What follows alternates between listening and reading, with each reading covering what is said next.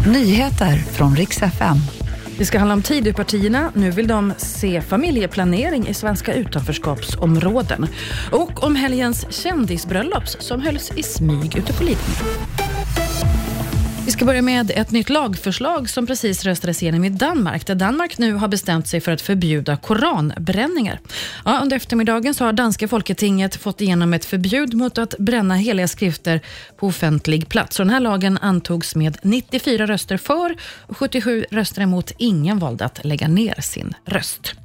Det ska handla om regeringen och Sverigedemokraterna. De vill se familjeplanering i svenska utanförskapsområden. Och det har de nu skrivit in i Tidöavtalet enligt DN.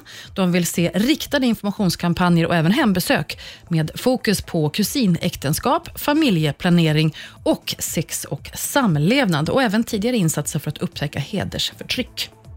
Så ska det handla om helgens stora kändisbröllop. Det är Pernilla Wahlgren och Christian Bauer. De smet iväg till Lidingö kyrka i helgen och gifte sig i hemlighet. Och det här avslöjade Pernilla Wahlgren igår kväll på sina sociala medier.